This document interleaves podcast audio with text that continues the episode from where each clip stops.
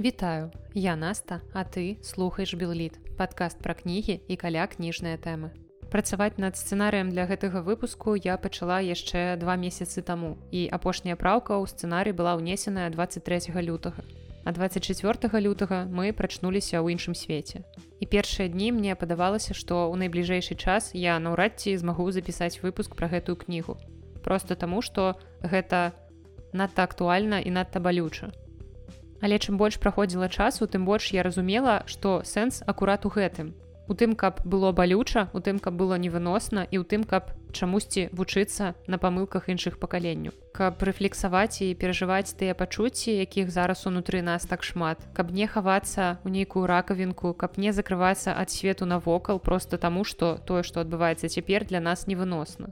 Але ў той жа час я абсалютна разумею людзей, якім зусім не хочацца праз гэта праходзіць яшчэ ў літаратуры. І таму ў сваім падкасці зараз я чаргую контент, каб для вас усё было не толькі цяжкім ці змрочным, каб былі нейкія светлыя моманты. Але сённяшні выпуск не будзе светлым, таму калі вы адчуваеце, што не зможаце гэта вытрымаць, не зможаце з гэтым справіцца, калі вы проста не хочаце зараз спажываць такі контент яшчэ ў выглядзе падкастаў, калі вам хапае дастаткова навіну ці можа калі вы нават і навіны не чытаеце такое таксама абсалютна зразумела то просто не слухайце сённяшні выпуск і наступны выпуск подкаста я вам абяцаю будзе ўжо не такі змрочны Ну а тых хто сёння ўсё ж такі застаецца са мной чакае выпуск пра аповесць Васіля быкова. Знак бяды часам калі чытаю біяграфіі нейкіх знакамітых людзей то мне вельмі дзіўна асэнсоўваць што я нарадзілася і жыла ў адну эпоху з такімі людзьмі Васіля быкова не стала калі мне было 9 гадоў але я вельмі добра памятаю гэты дзень і магу радавацца што жыла ў той жа час што і гэты чалавек і сёлета аповесці Васіля быкова знак бяды спаўняецца 40 гадоў і менавіта ёй будзе прысвечаны ўвесь гэты выпуск. І я пачну з гісторыі такой лірычнага адхілення пра тое што гэтая кніга значыць асабіста для мяне. Не ў нейкім сэнсавым нейкім сюжэтным плане а хутчэй у такім вельмі знакавым і сімвалічным. Кніга не як тэкст ці нейкае сховішча сэнсаў, а кніга як сімвал.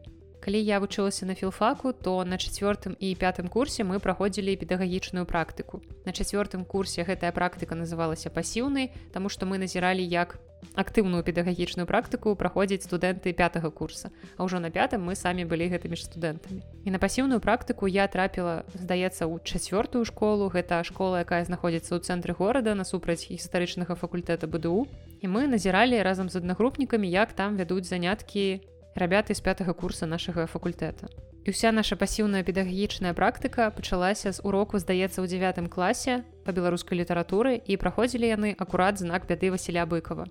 І студэнтка пятага курса спытала ў сваіх вучняў хто з іх прачытаў гэту аповесць ніводзін чалавек не падняў руку і тады я зразумела што ніколі ў жыцці я не буду настаўніцай ці выкладчыцай я ў прынцыпе калі ішла на філфак нават не думала пра тое што я калі-небудзь буду займацца педагагічнай дзейнасцю у мяне не было такога ў планах. Я не адчувала ў сабе нейкіх педагагічных талентаў я не вельмі люблю нешта тлумачыць людзям асабліва людзям не вельмі зацікаўленым у гэтым. Калі ты працуеш ва універсітэце яшчэ магчыма ёсць верагоднасць таго што тваю спецыяльнасць людзі абралі свядома але калі ты працуеш у школе то разумееш што збольшага дзеці знаходзяцца там прымусова і амаль што ўсе з іх аддалі б перавагу таму каб пабегаць на вуліцы а не каб зараз знаходзіцца на уроку літаратуры чытаючы Васіля быкова знак бяды Атрымліваецца, што для мяне гэта быў такі знакавы момант, калі я дакладна канчаткова для сябе вырашыла, асэнсавала, што настаўніцай ці выкладчыцай я ніколі ў жыцці не буду. Ну а калі нехта з вас таксама як тыя дзевяцікласнікі не прачыталі гэты твор у школе, то яшчэ не позна. І спадзяюся, што сённяшнім выпускам я здолею вас натхніць і патлумачыць, што хаця гэта неверагодна складаны ў маральным плане твор, асабліва цяпер у гэтыя часы, але яго вельмі важна прачытаць. Ізноў жа паўтаруся калі вы не адчуваеце ў сабе нейкіх маральных сіл рабіць гэта цяпер гэта не абавязкова вы можете зрабіць гэта тады калі палічыце гэта дарэчным для сябе Ну і рабіць цэлы выпуск пра гэты твор падрабязна яго разбіраючы даволі складана без спойлераў. Таму я райла б вам спачатку аповесць прачытаць. Ну а калі спойлеры вам не страшныя то тады заставайцеся са мной. Аповесць знак бяды была напісаная ў 1982 годзе. Сёлета як я сказала ёй спаўняецца 40 гадоў. І ў 1986 годзе яна была адзначана ленінскай прэміяй. На той час гэтая прэмія была найважнейшай літаратурнай узнагароды ў ССР. І тут я магу пажартаваць што цяпер нібыта найважнейшая літаратурная ўзнагародах это нацыянальная літаратурная прэмія афіцыйная дзяржаўная прэмія але як вы чулі лаўрэаты гэтай прэміі ўжо зусім не тыя Я, дарэчы, працягваю сваё падарожжа па нацыянальнай літаратурнай прэміі па пераможцах у галіне найлепшы твор прозы і зараз чытаю пераможцу 2019 года. Гэта зборнік аповесці ў апавяданню Олега ждана які называется геній гэты твор напісаны на рускай мове. Я пакуль што яшчэ на першай аповесці але там ужо ёсць пра што расказаць. Ну калі-небудзь у наступным выпуску калі я дачытаю тады раскажу а сёння ў нас быкаў. Сёння мы гаворым усё ж такі пра добрую, хаця і такую няпростую змрочную кнігу. І тады ж у 1986 годзе, акрамя таго, што быкаву за гэты твор далі ленінскую прэмію, яго яшчэ экранізавалі. І ўвогуле гэты твор для творчасці быкава агулам вельмі важны як пэўны этап. Бо мы прывыклі да ваеннага, да фронтавога, партызанскага быкава. І калі нам кажуць імя Васіля быкова, адразу першае, што ў нас усплывае ў галаве гэта вайна, гэта салдаты, і таму гэты твор які умоўна можна назваць мірным ён вельмі выбіваецца з агульнага шэрагу.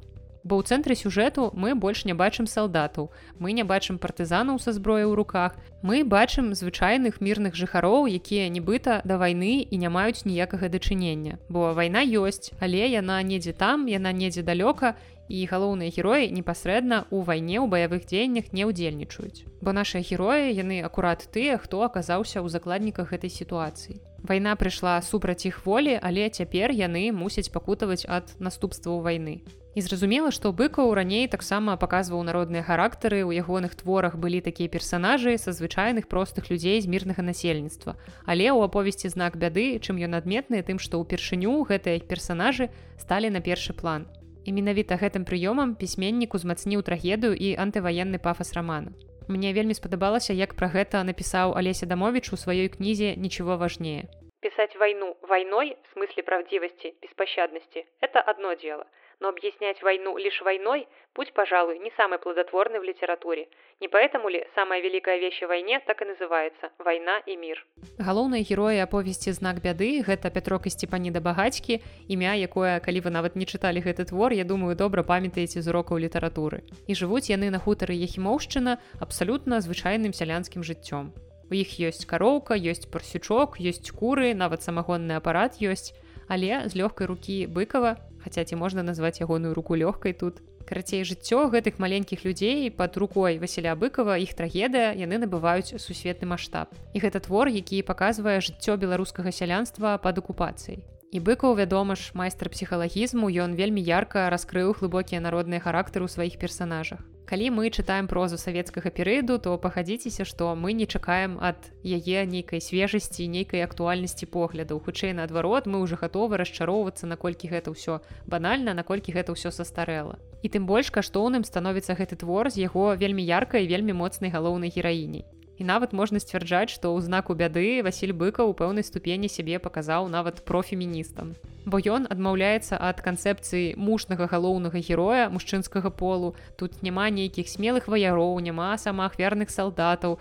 Ёсць мужная жанчына за тое. Сцепаніда, якая аказалася ў той сітуацыі, у якой аказалася, і цяпер ёй трэба нешта з гэтым рабіць. Трэба неяк даваць рады, улічваючы, што твой мужик то яшчэ цямця-лямця. Але пра ейнага мужика мы яшчэ пагаворым далей. Жыццё сцепаніды нам паказваецца ў рэтраспектыве і мы маем магчымасць зазірнуць у мінулае гераіні, каб зразумець, а ў чым хаваюцца карані яе цяперашніх паводзін, бо яшчэ да вайны яна змагалася за сваё права нармальна жыць з мясцовай уладай калектывізацыя раскулачванне ўсе гэтыя рэчы і тады маладая сцепаніда не баялася ісці на суперак уладам яна галасавала супраць калектывізацыі яна падтрымлівала суседа якога раскулачвалі яна падтрымлівала арыштаванага старшыню які не вельмі актыўна выконваў скажем так план па ссылцы кулакоў А цяпер ёй даводзіцца змагацца за мірнае жыццё з паліцаямі, якія яе двор і яе дом акупавалі і таксама з немцамі, якія ўвогуле акупавалі цэлую краіну. Зноў жа яна змалку не ўмела пераломваць сябе, рабіць што насуперак перакананню, тым больш прыніжацца. Патрэбных для таго здольнасцяў у яе не было ані крошкі, і яна не ведала нават, як тое можна наогул, асабліва калі яны вытвараюць такое. Тая знявага, якую яны ёй зрабілі пры першым сваім з'яўленні, не давала ёй намагчыся на іншы лад, апроч непрыязні далейшае ж выклікала ў яе абурэнне і нянавісць і сціпаніда не проста мужная ці самаўпэўненая жанчына яна яшчэ вельмі рашучая баявітая вельмі упартая. І часам гэта ёй на жаль даецца ў знакі. Яе прыроджаная гэтая прага справядлівасці калі яна аказалася ў такіх умовах яна дапамагае выспяваць іншаму пачуццю жаданню помсты. І спачатку помста ў яе такая абсалютна дробная зразумелая выглядае як такі вядомы выраз што на злосць маме адмарожу вушы і ў сваёй упартасці яна не заўсёды разумее якія наступствы ў яе ўчынку могуць быць. Вось напрыклад яна таемна падаіла карову каб немцам не дасталася малака. І як бы каму тут яна зрабіла лепш невядома таму што ад злосці немец забіў карову. І можна было б здагадацца што ў такой сітуацыі немцы могуць паступіць ну добра што карову забіў а не яе тут магло ўвогуле здарыцца што заўгодна непрадказальная але скажем злосць яна просто закрыла вочы сціпанідзе не дала ёй неяк рацыянальна ацэньваць свае паводзіны. А потым ужо сціпаніда выходзіць на нейкі новы левел помсты, бо яна даведалася, што ў аднаго з суседзяў ёсць бомба і вырашае гэтую бомбу выпрасіць і даводзіцца ёй нават аддаць парсючка якога яна вельмі старанна ахоўвала ад немцаў ад паліцаяў і гэты парсючок у творы вельмі такі яркі вобраз. Ну і калі гаварыць пра яе мужчыну пра гэтага цямцю лямцю то пятрок як бы не адмоўны персанаж. Ён не дрэнны просто ён такі які ёсць. Ён тыповы беларус і вельмі часта ў дачыненні да сябе мы чуем эпітэт памяркоўныя і калі карыстацца гэтымі стэеатыпамі што вось пятрок акурат стэеатыпны памяркоўны беларус Па натуры сваёй пятрок быў чалавек ціхі і мяккі, гэткі, якімі была большасць у высілках. Страхавіты, зважлівы, трохі набожны, такія ж былі і продкі. Так што бачыце, хутчэй гэта сціпаніда выключэнне з правілаў, а Пятрок абсалютна стандартны чалавек. Ён не кідаецца змагацца з немцамі, ён не гатовы ахвяраваць сваім жыццём дзеля радзімы. І першыя яго рэакцыі нам абсалютна зразумелыя. І гэтага не трэба саромецца, бо першая рэакцыя зразумела, што гэта страх. Калі табе хочацца жыць, ты баішся, што вось тут, што цяпер гэта ўсё можа скончыцца бо не ўсім быць героямі і камусьці трэба быць звычайным чалавекам які баіцца за сваю сям'ю і ў першую чаргу баіцца банальна за сябе і за сваё жыццё. Гэта натуральны інстынкт самазахавання. Таму я падкрэсліваю што пятрок персанаж зусім не адмоўны ён хутчэй нязручны бо савецкі чалавек такой цямця лямці такой нюняй быць не можа. Бо як жа гэта ўсё за радзіму за сталіна? А пятрок вось ён такі Ён жыве на зямлі, якая не раз была акупаваная і гэтая генетычная памяць пра жыццё пад прыгнётам не дае спакою і таму вось піша пра яго быка ў папярэднім фрагменце, што такія ж былі і продкі. І сцепаніда таксама адзначае характар петрака. Але гэты пятрок вядомая недалэга. Хіба ён зробіць як трэба, толькі знае адно моўчкі смаліць смярдзючую сваю махорку. І вядома, што пятрок разумее ўсё, што адбываецца навокал і ён пра гэта таксама думае.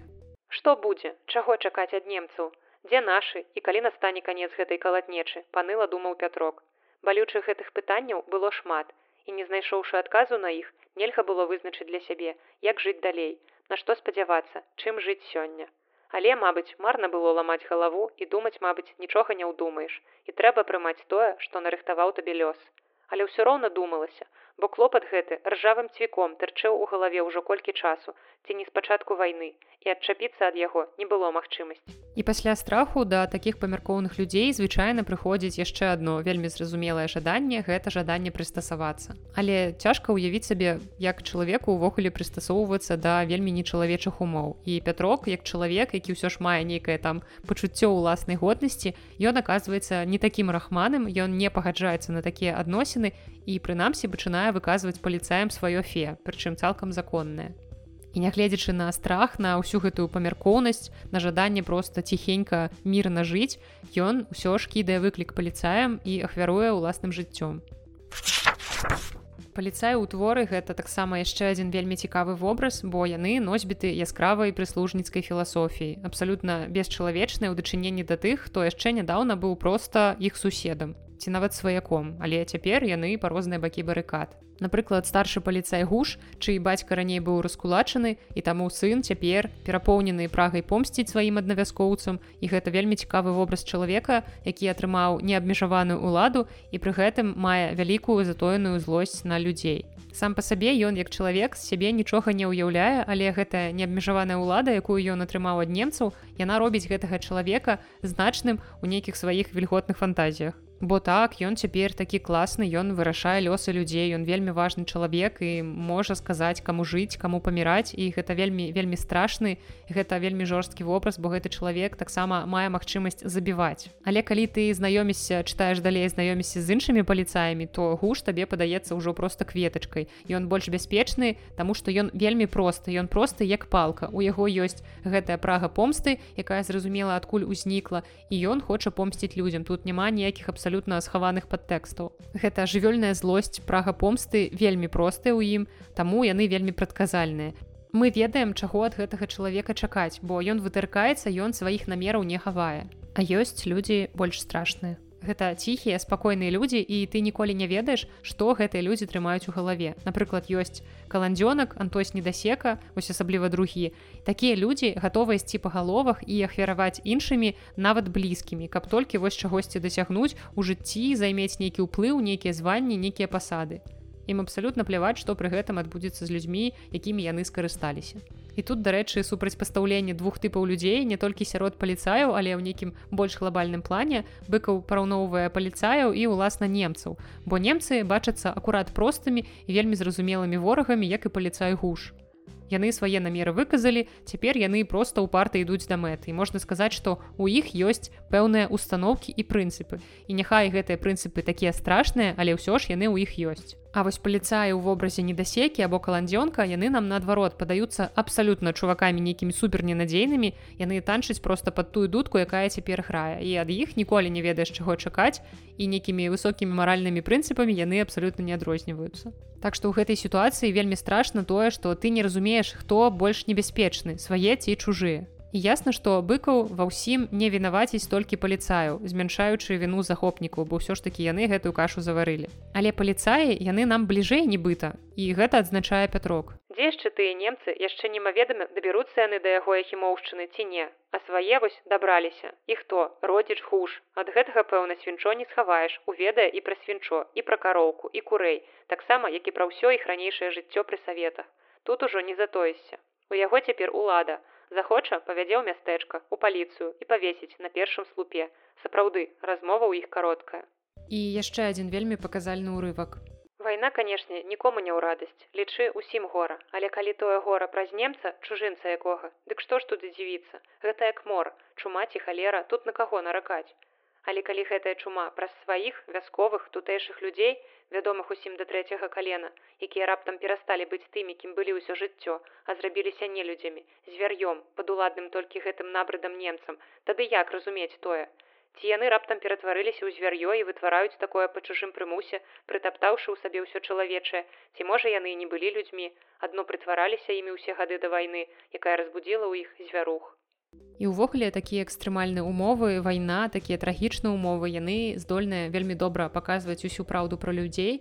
І вось такія як хуш, як недасека, як каландзёнак, яны выявілі сваю сапраўдную сутнасць. І магчыма, калі б не было вайны, здарылася б якая-небудзь іншая цяжкая трагічная сітуацыя, яны ўсё роўна праявілі б сябе знутры. І гэтае расслаенне, гэтае раз'яднанне, яно не адбылося толькі тут і цяпер, яно пачалося яшчэ раней. І каб гэта паказаць, быкаў выкарыстоўвае рэтраспектыву і сацыяльны разлом, які адбыўся яшчэ ў працэсе калектывізацыі нібыта выступае як каталізатар для ўсіх далейшых падзей. І менавіта за паказ калектывізацыі быкова вельмі крытыкавалі. Было шмат праблемаў з цэнзурай у сувязі з гэтым таму што быкаў паказвае гэта ўсё непрыхавана ён сапраўды паказвае ўсё як было У аповесці шмат флэшбэкаў мы даведваемся пра жыццё некаторых персанажаў наўпрост праз рэтраспекцыю мы перамяшчаемся ў часе акунаемся ў тыя падзеі і не паводле ўспамінаў а ўласна з месца падзей І такім чынам мы можам назіраць не толькі становішча беларускіх сялян падчас вайны і ўвогуле ў аповесці вельмі добра прапісаны да ваенны час. І самае важнае, што быкаў у гэтай аповесці не займаецца гераізацыяй.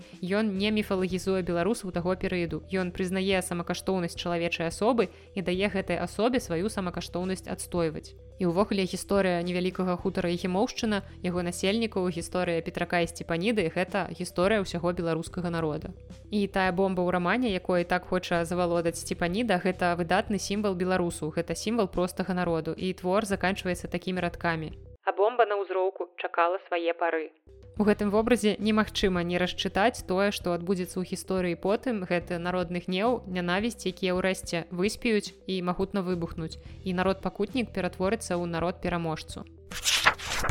Але чаму ж гэты раман называецца знак бяды? Знакаў увогуле ў творы з'яўляецца вельмі шмат і героі іх заўважаюць, адзначаючы, што ўсё гэта не на добрае. З дарогі ад гасцінца мала што выдавала тут былую сядзібу, хіба што адна з дзвюх ліп, якія колісь раскашавалі абапал вароцаў на ўездзе. Другой даўно не было, а гэтая, што засталася, мела жахлівы выгляд. Абгарэлая і аднабокая з тоўстым крыжакаватым камлём, у якім зеўрала шырокая шчыліна дупла. Яна не зразумела, як трымала на сабе некалькі тоўстых галінастых сукоў. Птушкі, якія часам прыляталі з лесу, чамусь ніколі не апускаліся на яе голле, лепей садзіліся на рослы алешнік побач. Вароны, магчыма, памяталі нешта, а можа, сваім птушыным інстынктам адчувалі ў гэтым знявечаным дрэве злую прыкмету няшчасця, знак даўняй бяды.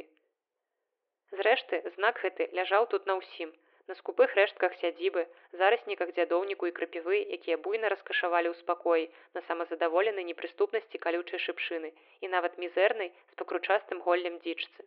І толькі маладая тоненькая ліпка, што зусім нядаўна выкінула да сонца лічаныя свае лісточки, у сваёй безабароннай адвазе здавалася госці з іншага свету, увасабленнем надзеі і другога інакшага жыцця. Напэўна, усё астатняе належала тут мінуламу, з каронам утленам і небыццём. Усё, апроч непадуладнай часу, цярплівай і негаваркой чалавечай памяці, надзеленай спрадвечную здольнасцю ператвараць мінулае ў цяперашняе, звязваць сучаснае з будучым. Таксама наступны яшчэ адзін вельмі яркі сімвал рамана і вельмі страшны гэта мёртвая птушка. Але толькі ён памкнуўся да абвялага ніцага парастка, як згледзеў у зліплых лыжах нешта шэранькае, быкамочак чаго чужога, і пальцы яго міжвольна паднялі з зямлі за растапыранае крыльца маленькую шэрую птушачку. То быў жаўраначак, мабыць, з тых небаракаў, што ашукаліся першай абяцанкай вясны і паплаціліся жыццём за сваю заўчасную песню. Глянь, сцёпа! Сцепаніда падбегла да петрака на ўзмешку і расчулена пераняла з ягоных рук небараку птушачку, раскіданыя крыльцы якой без сілы абвіслі ў паветры, таксама як і галоўка з маленькай разяўленай дзюбкай. Божа, пятрок, што ж гэта, гэта ж кепска. Кепска? Ой, гэта ж няшчасце, гэта ж на бяду нам, гатова была заплакаць сцепаніда. Пятрок зніякавеў таксама, але стараўся заставацца бадзёрам і не хацеў паверыць, што ад гэтай малечы можа быць якое няшчасце. Ну якая бяда, змёрз проста, такая сцюжа. Божа мой, Божа мой, Нашто ж ты яго чапаў? Нашто ты яго згледзеў, бедавала сцепаніда сама не свая ад гэтага яўнага знаку бяды. І гэта сімвалы, якія аўтар нам наўпрост называе. Але ёсць яшчэ тыя, якія мы мусім адкрыць самі. Напрыклад, моцна расчытваецца вобраз малака, вобраз каровы, бо для сялян таго часу гэта рэчы амаль сакральныя. Хаця мяркую, што і для сучасных сялян таксама. І немцы пастаянна прыходзяць па малако, яны патрабуюць млека млека, таму вельмі сімвалічным выглядае момант, калі адзін з немцаў пралівае малако. Яны нядоўга пахерхіталі нешта, маладзейшы подбегам вярнуўся да аўтамабіля і прынёс адтуль белую пляскатую кварту. Свянткоўскі асцярожненька зачэрпнуў поўную кварту сарадою і ўслужліва падаў пану фельдфебелю. Той спаважна ўзяў і, ухнуўшыся, каб не абліць выпнуты жывоцік, выпіў малако і абярнуў у паветры кварту. Іст гуд. Настаўніка ж весялей неяк зачарпнуў яшчэ маладому ў акулярах. Выцягшы рукі з караткаватых рукавоў мундзірчыка, той таксама выпіў. Затым кварту ўзяў прысадзісты немалады немец з рабым як ад воспы тварам і таксама ўсё выпіў. Але чацвёрты высокі як жардзіна, апрануты ў нейкі балахоністы камбінезон, толькі паспытаў з кварты і тут жа пляснуў малако на траву. Зялёная мурава на пяць крокаў забялелася, нібы ўзялася цвіллю. Не спадабалася, каб ты прапаў, падумала сцепаніда. Гэты эпізод паказальны тым, што малако, тое, з чаго сяляне ўласна кормяцца, немец дазваляе сабе проста так выліваць на траву. І таксама ў звязцы з малаком ідзе ўласна і карова, якая гэтае малако прадукуе, бо карова для селяніна гэта прыкмета дабрабыту. Бо без каровы ты нібыта і непаўнавартасны і калі для індусаў гэта святая жывёла, то для беларусаў дакладна не менш. Таму абсалютна дзікая чытаць эпізод з забойствам каровы немцам. І карова была паўнавартасным персонажам твора, у яе было імя, яе звалі бабоўка. І за час чытання мы да гэтай жывёлы нават паспяваем прывязацца. І тут быкаў вельмі жорсткі, жорсткі ў сваёй бязлітаснасці дзеля мастацкай задумы аповесці. І вось такім жа таксама бездапаможным ахвярным сімвалам з'яўляецца і хлопец Янка. якога немцы таксама забіваюць гэта абсалютна бездапаможная маленькая істота такая ж сама як і карова якая не можа за сябе сама пастаяць наступны вельмі шырока распаўсюджаны ў розных культурах сімвал які выкарыстоўвае быка ў сваёй аповесці гэта мост у нас таксама нядаўна былі часы калі шмат сімвалічнага было звязана з адным мастом які ўжо здаецца цалкам аднавілі у першую чаргу мост гэта сімвал аб'яднання. І ў аповесці быку паказвае як гэты мост звязваў хутар багацькаў з іншым светам з іншымі людзьмі. І першая згадка пра мост калі ён зруйнаваны і побач з ім аказваюцца немцы. І зруйнаваны мост гэта ўжо такі яркі сімвал перарваных сувязяў. Немцы ў сваю чаргу плануюць гэты мост аднавіць і людзі адчуваюць што гэта ў сабе тоіць вялікую небяспеку і гэта таксама адчувае сцепаніда якая акурат плануе гэты мост узарваць і такім чынам мост становіцца ледзь не апошняй кропкай яе жыццёвага шляху і завяршае яе.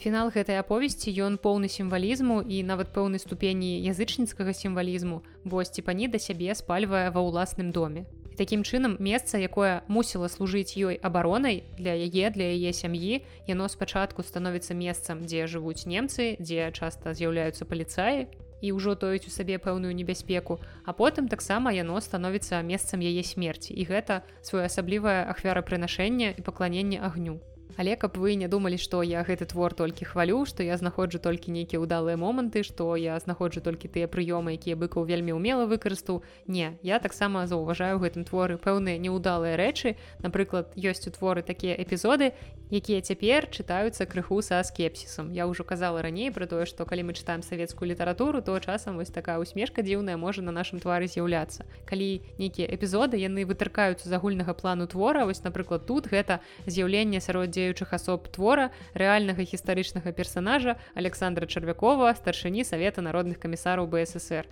і гэты эпізод у кнізе вельмі чужародны і мы можам уяўляць для чаго ён увогуле ў кнізе з'явіўся. Але гэта мабыць адзінае за што ў мяне зачапілася вока. Ва ўсім астатнім я магу сказаць, што гэты твор вельмі высокага ўзроўню, бо ў трагедыі адной сялянскай сям'і аднаго хутара быкаў паказаў трагедыю цэлага народа. Яны прайшлі праз калектывізацыю, яны прайшлі потым праз вайну і невядома, калі ўвогуле ўсе гэтыя пакуты закончацца. І на зло немагчыма адказваць добром, бо зло нараджае толькі новае зло. І самае важнае у падобных сітуацыях заўсёды заставацца людзьмі. Сённяшні выпуск не будзе надта доўгі, Таму што мне таксама даволі складана расказваць цяпер пра гэтыя рэчы, разумеючы, што я нібыта расказваю не пра твор, які напісаны быў 40 гадоў таму, а падзеі якога адбываюцца яшчэ больш гадоў таму. Я нібыта чытаю пра тое, што адбываецца цяпер і ад гэтага дрыжыкі бягуць па целе. Так што я спадзяюся, вы зразумелі агульны пасыл гэтага твора, калі вы яго не чыталі, вы магчыма натхніліся, каб яго прачытаць, калі вы яго ўжо чыталі, можа быць, ён стаў вам крыху больш зразумелым. Наступны выпуск подкаста будзе ўжо самы звычайны, раскажу пра апошняе прачытанае. А вось праз выпуск зноў вас чакае нешта больш блізкае нам цяпер, нешта актуальнае і даволі балючае, я раскажу пра раман франца кавкі і працэс. Ну а на сёння гэта ўсё. З вами была Наста і падкаст Белліт. Да сустрэчы.